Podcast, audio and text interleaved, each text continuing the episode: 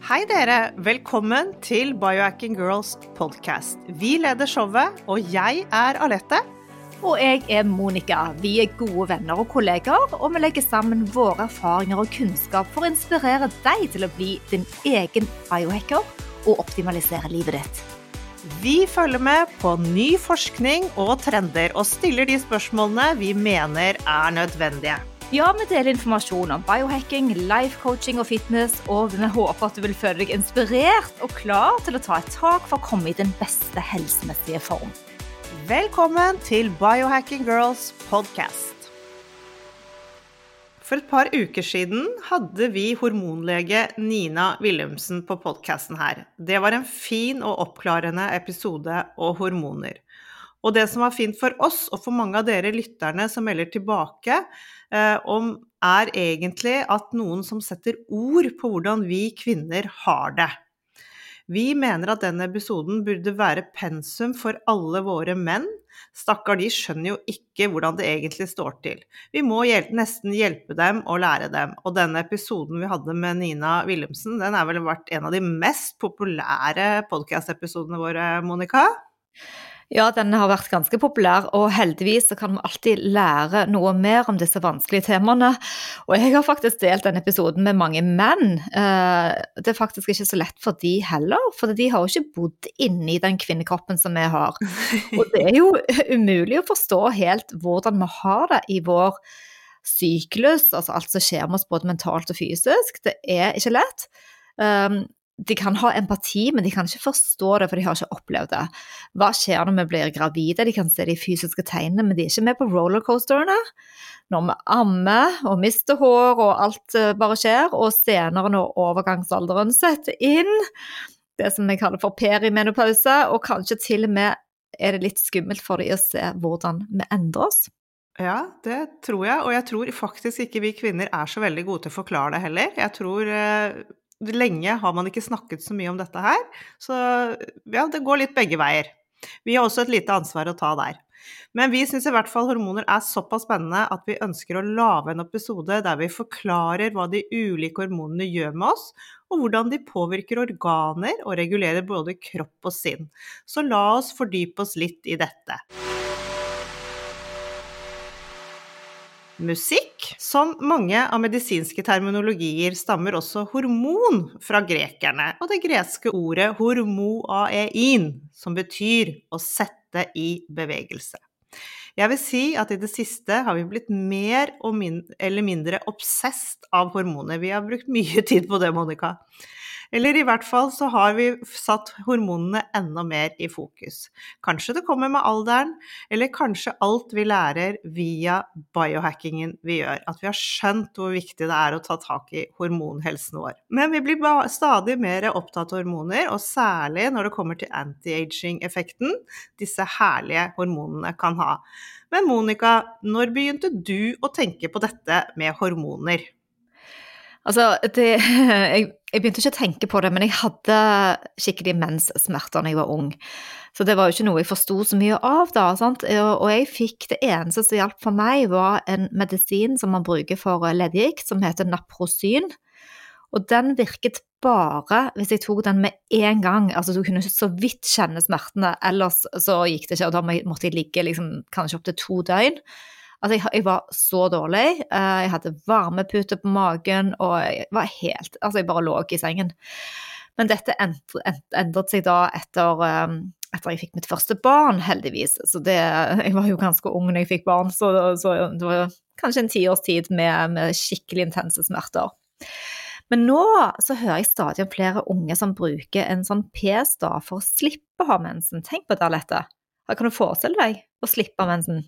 Ja, uansett så er det unge som faktisk aldri har blødninger, og det, de, de heter p-stav. Så det ser ut som en liten sånn fyrstikksnor, en plaster som legges inn under huden på innsiden av overarmen. Og den slipper da ut en daglig dose med hormoner og varer i tre år før den da må skiftes. Og her er jeg litt sånn old school, for det, med den mensen og de smertene som vi hadde, så er det likevel noe som jeg føler er naturlig for oss jenter. Uh, selvfølgelig så er det ikke behagelig, men allikevel. Så jeg brukte, jeg brukte litt prevensjon i 20-årene, for det, det, gjorde alle. Og jeg fikk veldig mye pigmentflekker i ansiktet, og det skremte livet av meg. Så det stoppet jeg med og gjorde ikke igjen. Så de forsvant jo da med tiden, de pigmentflekkene, men det tok faktisk noen år. Ja. Ja, det er eh, bivirkninger det av hormoner. Det er jo pigmentflekker. eh, Og jeg opplevde mye av det samme. Fikk tidlig menstruasjon med kraftige blødninger og mye smerter. Og så slet jeg også en del med uren hud. Og det jeg da fikk, det var p-piller. Jeg vet ikke hvor lurt det var, men det hjalp veldig på huden, selvfølgelig. Men hvor smart er det å sette unge damer, jenter, på p-piller for å ikke ha symptomer? Jeg vet ikke. Hva het Foreldre- det? Jeg merker gjerne, jeg husker flere av mine. Diane. Jeg glemmer det aldri. Det var de sterkeste p-pillene du kunne få. Ja, det var mange med akne som hadde, som fikk det, det husker jeg. Ja. Jeg fikk jo nydelig hud, men eh, ja, det vet Men mine foreldre de snakket jo heller aldri om hormoner. Det var, jeg, jeg, jeg tror ikke jeg skjønte noe særlig av det. Men hadde det noen bivirkninger med de eh, Diane-pillene? Ikke som jeg kan huske. Men Nei. altså, jeg var jo kanskje ikke sånn veldig in tuned med kroppen min på den tiden, egentlig. Nei. Så jeg bare, jeg bare gjorde som jeg ble fortalt. Men du Monica, la oss først forklare hva hormoner egentlig er. Vær så god. Takk skal du ha. jo, det er jo, hormoner er jo kjemiske budbringere, altså som bringer beskjed til kroppen. Signalstoffer som skal lages um, i hormonproduserende kjertler. Og disse kjertlene er de endokrine, de såkalte endokrine organene. De skilles ut i blodet og påvirker andre organer i kroppen, og de kan både starte, stoppe eller regulere en aktivitet. Og det finnes ca. 50 hormoner som i varierende grad sirkulerer rundt i blodet vårt, og sammen med nervesystemet så samordner og kontrollerer hormonene funksjonen til kroppens ulike vevorganer, sånn at de virker sammen på en hensiktsmessig og effektiv og koordinert og riktig måte, da. Veldig bra. Men vi må ta med hvilke organer disse endorkrinene er, og de mest betydningsfulle hormonproduserende kjertlene i eh, kroppen vår. For det er hypofysen, det er hypotalamus, det er skjoldbruskkjertelen, biskjoldbruskkjertelen, bukspyttkjertelen, binyrene våre, epifysen, thymus, eggstokker og morkaker hos damer og testiklene hos menn. Disse kjertlene er under nøye kontroll og regulering i kroppen, slik at de kan utskille den med akkurat den mengden hormoner som er nødvendig til enhver tid. Ja, til enhver tid, og disse hormonene har da til enhver tid òg en jobb de skal gjøre i kroppen vår. Og dette får vi jo stadig høre om, f.eks. via bemerkninger og fraser som, i livet som at 'Å, du er så hormonell', og du vet når, når man kanskje er litt stresset, og, og alle vet jo hva som ligger i dette. Du er da liksom humørsyk og ustabil, og det er alltid rettet mot damer, og ikke bare det. Det både er å oppleve som kritikk. Er det ikke sant, Alette? Så du vet liksom ikke helt Men jeg kan ikke forklare helt hvordan og hvorfor vi er som vi er, og så kommer noe med den kommentaren på toppen av det hele. Det føles ikke riktig. Da blir man ganske hissig. Ja, det bare fyrer opp enda mer under noe som du ikke helt kan forklare. Jeg syns iallfall jeg har fått tilbakemeldinger på den episoden med Nina Wilhelmsen fra menn som da har lært mer. Vi har alle òg kjent på hormoner som kan løpe løpsk med et veldig svingende humør som resultat, og det er ingen eh, forklaring, og det kommer akutt. Men det, det som er så rått med hormonene, er at de gjør så utrolig mye mer enn å styre humør, humøret vårt. For uten disse mystiske og rare hormonene, så hadde kroppen vår rett og slett ikke fungert. Nei. Og et annet stigma eh, med hormoner er jo ofte at det er forbundet med kjønnsdrifter i det daglige. Det er jo det vi ofte tenker på. Og da snakker man jo mye om disse premenstruelle pikene og testosteronfylte unge gutter. Men hormoner er jo selvsagt så mye mer enn dette. Ja, det er det, men det trenger ikke. Det er ikke alltid en sykdom som ligger bak hormonforstyrrelser. For ofte er det livsstilen vår som påvirker balansen på hormonene. Eksempel så vil mye stress bidra til at kortisol øker og skaper ubalanse overalt, og det kjennes fysisk og mentalt. Men òg mange timer foran skjerm, og på telefon og på tablets, og særlig på kveldstiden, så vil det hemme melatoninproduksjonen og bidra til dårligere kvalitet på søvnen. Så i dag vil vi gjerne belyse noen av de vanligste hormonene våre. Ja, det skal vi. Men først må vi nevne noe av det som påvirker hormonbalansen vår. Og dette er jo ting som vi biohackere terper på hele tiden. Vi får begynne med søvn. Det er vel vårt første Ja, den må være på plass. Og så er det kostholdet vårt, og at vi følger døgnrytmen vår. At vi passer på fysisk aktivitet. Alt dette har dere hørt før. Det gjelder med hormoner også. Stressnivået vårt. Og det er mange som ikke tenker over at hormonene våre også styres av kroppsvekt. De regulerer sult- og metthetsfølelsen. De sørger for at vann- og saltbalansen er optimal. De hjelper immunforsvaret å fungere optimalt. Og så er det kjempeviktig å tenke på dette med miljøgifter. Det forstyrrer hormonene. Vi får i oss de gjennom maten vi spiser, gjennom plast, eksos Altså det er overalt, og det er også en sånn veldig sånn hormonforstyrrer som vi ser mye av nå. Ja, vi lever i en toksisk verden, dessverre. Det gjør vi. Så her er det bare å ta ansvar hver og en og prøve å eliminere. For før man kan gjøre noe med sykdom, så må man forstå hvorfor sykdom kommer, og prøve å jobbe og eliminere det som ligger under. Men eh, vi skulle se litt på de mest eh, vanlige hormonene våre, så vi kan starte med østrogen, som er en gruppe med steroide hormoner som spiller en stor rolle i den seksuelle og reproduktive utviklingen hos kvinner. De produseres hovedsakelig i eggstokkene og i morkaken. Og noen østrogener produserer i mindre mengder, mengder i leveren, binyrene og i brystene. Det er tre typer. Den første er strone. Det er et svakt østrogen som er syntetisert fra kolesterolet. Og den er en forløper til estradiol, eh, som kommer mer og mer etter overgangsalderen. Estradiolet er det viktigste kvinnelige kjønnshormonet. Det er involvert i reguleringen av menstruasjon hos kvinner, og i reproduksjonssyklusene, og i nivåene viser man at man er i en fruktbar alder eh, når du måler blodprøver på denne. Det gjelder både menn og kvinner. Estriol er et svakt østrogen og et mindre kvinnelig kjønnshormon, og det viser seg best mens man er gravid. Det er da nivåene kan vises på blodprøver. Østrogenet hjelper eggstokkene å produsere egg, de sørger for tykkelse og fukt i vagina, holder livmoren frisk, og kroppen bruker også østrogen til å lage brystvev og stoppe produksjonen av melk når vi er ferdig med å amme. Østrogennivået måles via en blodprøve, som sagt. Det kan være for lavt, eller det kan være for høyt. Og er det lavt, så kan det skyldes lavt stoffskifte, dårlig inntak av fett og kalorier, for intens trening. Det kan òg skyldes genetikk, for høyt østrogen derimot kan skyldes høyt alkoholinntak, medisiner, dårlig mat, sykdommer, insulinproblemer og p-pillebruk, bare for å nevne noe. Så da er det enten for lavt eller for høyt østrogennivå vi ser etter. Noen faktorer som spiller inn på mengden av østrogen i blodet, det er da graviditet, puberteten og overgangsalder, overvekt, ekstrem trening og underspising, medisiner og høyt blodtrykk, diabetes, PSOS. Og biohex for å optimalisere østrogennivået kan være å påføre kroppen f.eks. en hormonbehandling med bioidentiske hormoner, som vi snakket om på eh, hormonepisoden med Nina Wilhelmsen. Da er det østrogen, og så er det progesteron, og så er det testosteron. Men du kan òg ta en Dutch-test og få et godt bilde av nivåene dine. Og da vet du hvordan du kan ta kontroll på både vekt, stress, søvn og døgnrytmen din. Ja. Østrogen er vel det vi kan kalle et typisk kvinnehormon, men det betyr ikke at ikke menn også har det. Men eh, kvinner i, er mer påvirket av det i, ja, i større grad enn det menn er. Neste hormonet her vi skal snakke om, er progesteron.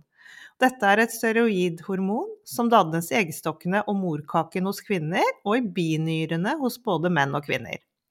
Balansen mellom progesteron og østrogen den bør være optimal. Man kan si at disse to hormonene jobber sammen. Det er mange fordeler ved å få et optimalt progesteronnivå. Det vil gi oss en liten sånn antidepressiv effekt. Det vil også redusere den derre ettermiddagsslumpen når man kan bli litt sånn trett på ettermiddagen. Det vil hjelpe søvnkvaliteten vår. Og det hjelper også på sånne kramper i bena, som man særlig også forbinder med magnesium, men det kan være at man har dårlig med progesteron. Og det kan være avslappende. Og biohacks her, det er jo igjen eh, bioidentiske hormonkrem, kan være kjempefint å starte med. Og så de vanligste livsstilshackene som vi alltid nevner. Vi gidder ikke å ta det igjen, for det har hørt det før. Men du bestilte en bioidentisk hormonprogesteronkrem fra USA, Alette. Hvor Ja. var det fra? Jeg gjorde den for å, for å sjekke om søvnen min skulle bli bedre, og da smørte jeg den på innsiden av der hvor du har den tynneste huden på innsiden av eh, armen, før jeg gikk og la meg. Ja, men hvor bestilte du den fra?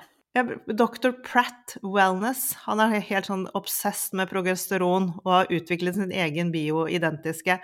Men det vi skjønte når vi snakket med Nina Wilhelmsen, var at den var ganske svak, så det var i hvert fall ikke noe farlig å bare teste den.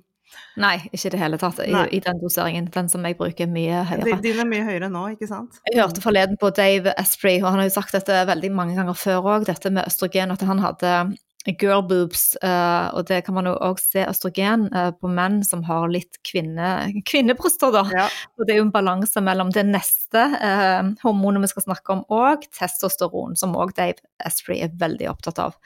For det er det viktigste mannlige kjønnshormonet, men det finnes både hos menn og kvinner.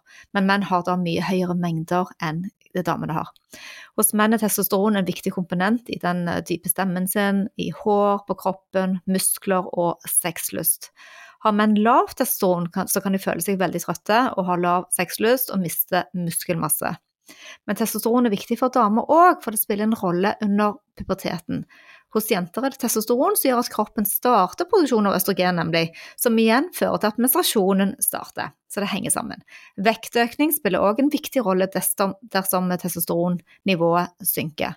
Så det er òg noe å tenke på hvis man føler at man går opp i vekt, så kan man sjekke testosteronnivået sitt. Her er noen heks man kan gjøre, og noen tips på matvarer som bidrar til å øke testosteronnivået. Du kan spise rå og ren mørk sjokolade, selvsagt uten sukker og fruktose og alle de tingene der. Eh, Jeg har funnet en med 99% kakao, og gutter her hjemme de brekker seg når de smaker på den. Den smaker så rått. En sånn bitter, bitter smak av dette, men jeg elsker den jo. Eh, mørke Da får du den for deg selv. ja, men den får jeg for meg sjøl. Altså de Ja, nei takk. Mørke bladgrønnsaker, vi kaller det for leafy greens. Uh, ruccola og spinat og alle cruciferos-grønnsakene er superbra. Spis en håndfull med nøtter, eh, som mandler, valnøtter og cashew. Frukt i form av grønne bananer, eh, avokado og fersken. Det vil òg kunne øke testosteronnivået. Og poteter skal òg virke positivt, men da spiser vi de helst kalde, for da får du mindre stivelse, og de inneholder probiotika. Og gresskarkjerner er superbra, men vi må òg slå et slag for trening. Vanlig trening, vektløftning, øker òg testosteronnivået. Yes. Ja, dette var litt om kjønnshormonene våre. Men la oss gå over og snakke litt om de herlige lykkehormonene våre. Og den første jeg vil snakke om her, er dopamin. Det er en av de mest kjente nevrotransmitterne i nervesystemet vårt. Hovedoppgaven til dopamin det er å aktivere belønningskretsen i hjernen. Det er som en slags rus. Det styrer instinktene våre, som vil sikre at vi som art overlevde. Vi trenger både mat, og vi trenger å formere oss, og her er da dopaminen som styrer dette. Dette vil vi gjerne ha mer av, så la oss hacke. Eh, Her kan vi ha denne hvis du, nei, Først skal jeg forklare litt hvordan det kjennes ut, og det er følelsen etter en intens treningsøkt. Da har du den følelsen av dopamin, sånn velvære. Og følelsen under starten av en forelskelse. Det er også denne dopaminen som skilles ut. Mm. Um, og så er det hvis du tar kalddusj, og hvis du er glad i å, å lage mat, så kokkelering kan også styrke dopaminen. Og utdanning, eh, interessante jobber, alle sånne ting som gir deg noe, vil eh, utløse dopamin. Eh, og så har vi også noen matsorter som inneholder aminosyrene tyrosin og fenylalin, som også utløser dopamin. Og eksempler på disse matvarene er kjøtt, fisk, kylling, epler, blåbær og jordbær. Så få dette i deg. Herlig. Bare husk å få de der blåbærene og jordbærene frosne og økologiske. De finner du i fryseren, særlig på Coop og rundt omkring, økologiske, til en god pris, så de ikke blir sånn industriproduserte som er fulle av sukker. Så, men dopamin er herlig ettereffekt av den dopaminen. Du kan få et sånt påslag når du har trent og kjenner at du Og jeg tror faktisk dette handler om at vi kjenner at vi har verdi, vi føler at vi har verdi som person fordi man har skapt noe eller gjort noe som gir oss glede. Serotonin er kjent som en av disse fire lykkestoffene som vi snakker om nå. Serotonin, dopamin, endorfin og oksytocin. Og alle disse har ulike oppgaver. Vi skal komme tilbake til de to siste, men nå er det serotonin. For det, alle disse fire stoffene er såkalte monoaminer. Og monoaminene de inkluderer òg adrenalin, noradrenalin, melatonin og normelatonin. Her er det veldig mye å huske på. Serotonin er en signalsubstans i nervesystemet. Og serotonin syntiseres i kroppen fra den essensielle aminosyren tryptofan. Den regulerer humør, søvn og temperaturen din, seksualitet og matlyst. Serotonin har en stor betydning for humøret og den følelsen av velvære.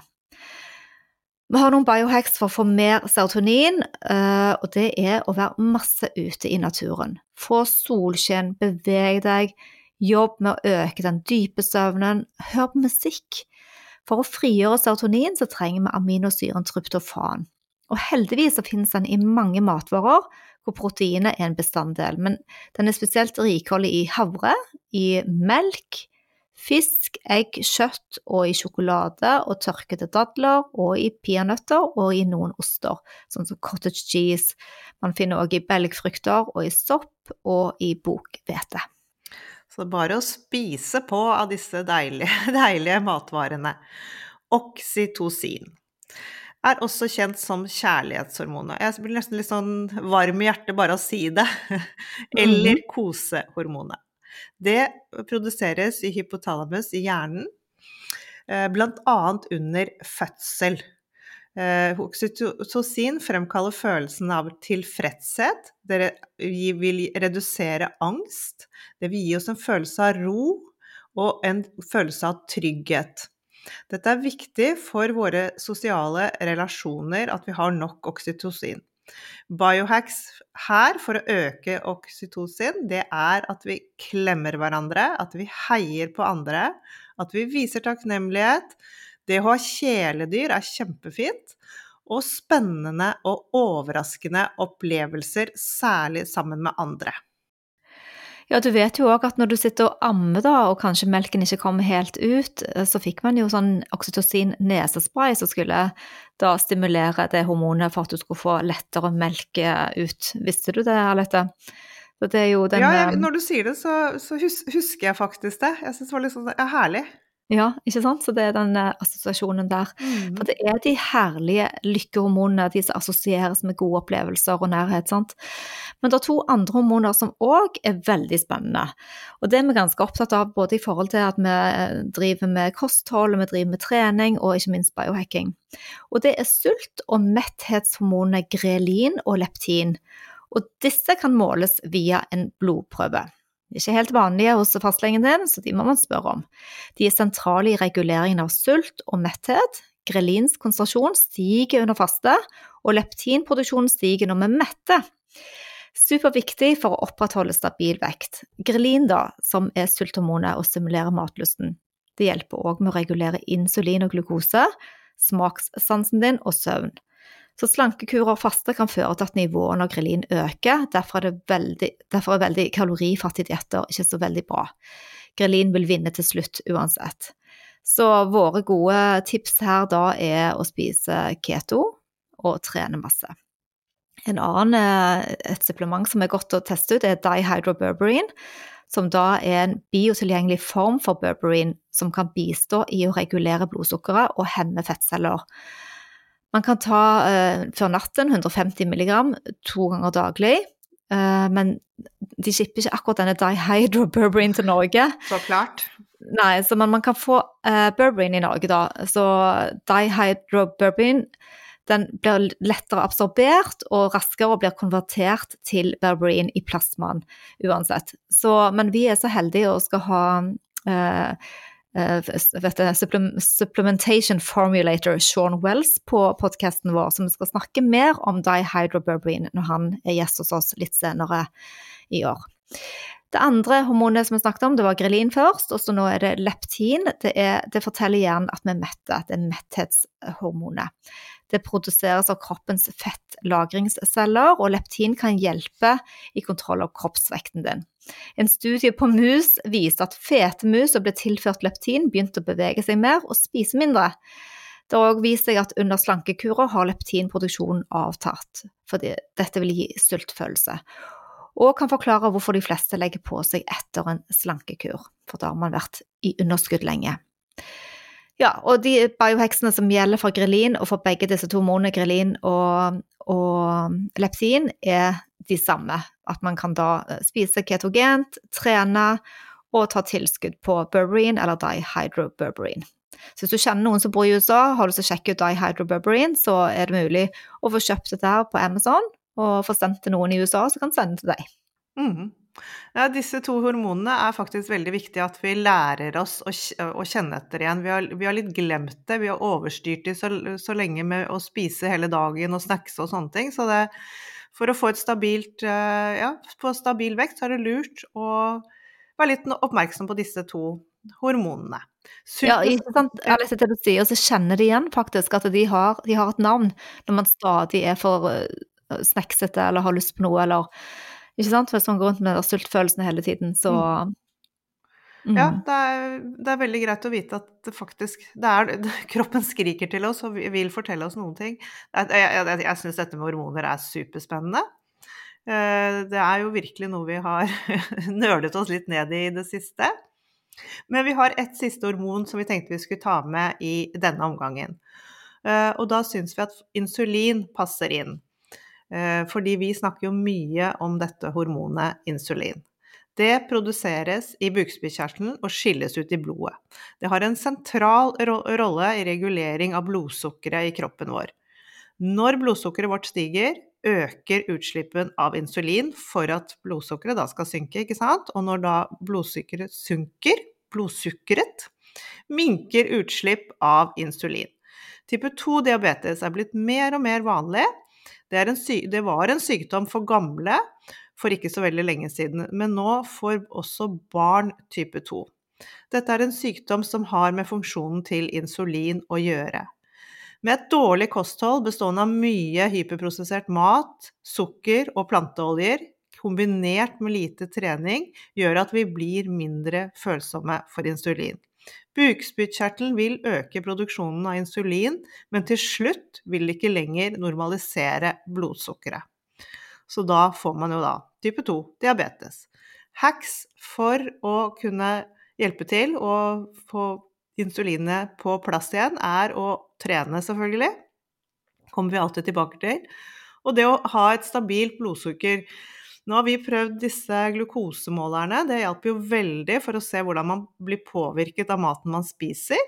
Eh, så det er jo et sånn kjempehack, og veldig opplysende, syns nå jeg, i forhold til eh, ja, hva som For der er vi også alle forskjellige. Det var jo så gøy når vi prøvde det sammen, Monica, hvor forskjellige vi var i forhold til hva vi kunne spise og ikke spise.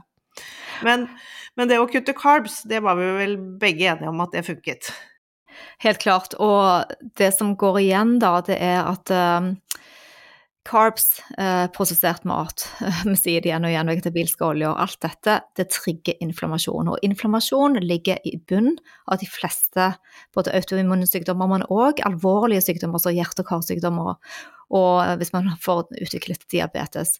Så, så man må tilbake til årsaken på, på symptomene som kommer da 20-25 år senere så vi må jobbe med dette her og nå. Men det som er positivt og fint å vite, det er at eh, hvis man da er i en situasjon hvor man har fått insulinresistens eller er i ferd med å utvikle diabetes 2, så kan dette reverseres med kosthold.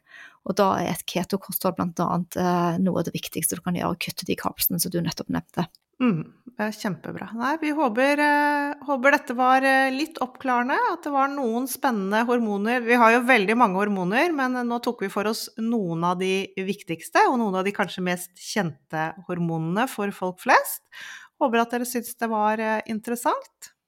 Ja, og så tenkte jeg da, vi må jo nevne på slutten her nå at uh, til høsten så har vi jo Norges første Biohacking Weekend 15. og 16. oktober.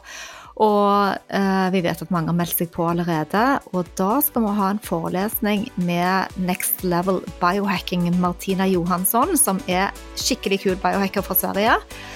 Eh, hun har lang erfaring, hun studerer på sin egen kropp alle heksene og bioheksene hun tester ut. Hun skal ha en fantastisk forelesning om hormoner. Mm -hmm. Så er du, mer, er du nysgjerrig på dette temaet og vil lære enda mer og få et sånn ordentlig internasjonalt uh, preg og inspirasjon på, på dette temaet, så, så, kan vi bare anbefale deg å gå inn på kongresspartner.no og sjekke ut tilbudene våre der på billetter. Vi gleder oss iallfall til det, Alette. Ja, det gleder vi oss skikkelig til. Vi håper og håper å se dere alle sammen. Ja, det har vært så hyggelig å se alle igjen. Nå blir det sosialt, og alt åpner opp. Og vi føler jo kjenner, vi kjenner så mange av dere som eh, tekster oss hele tiden. Og, men uansett, tusen takk for at dere har lyttet. Happy biohacking!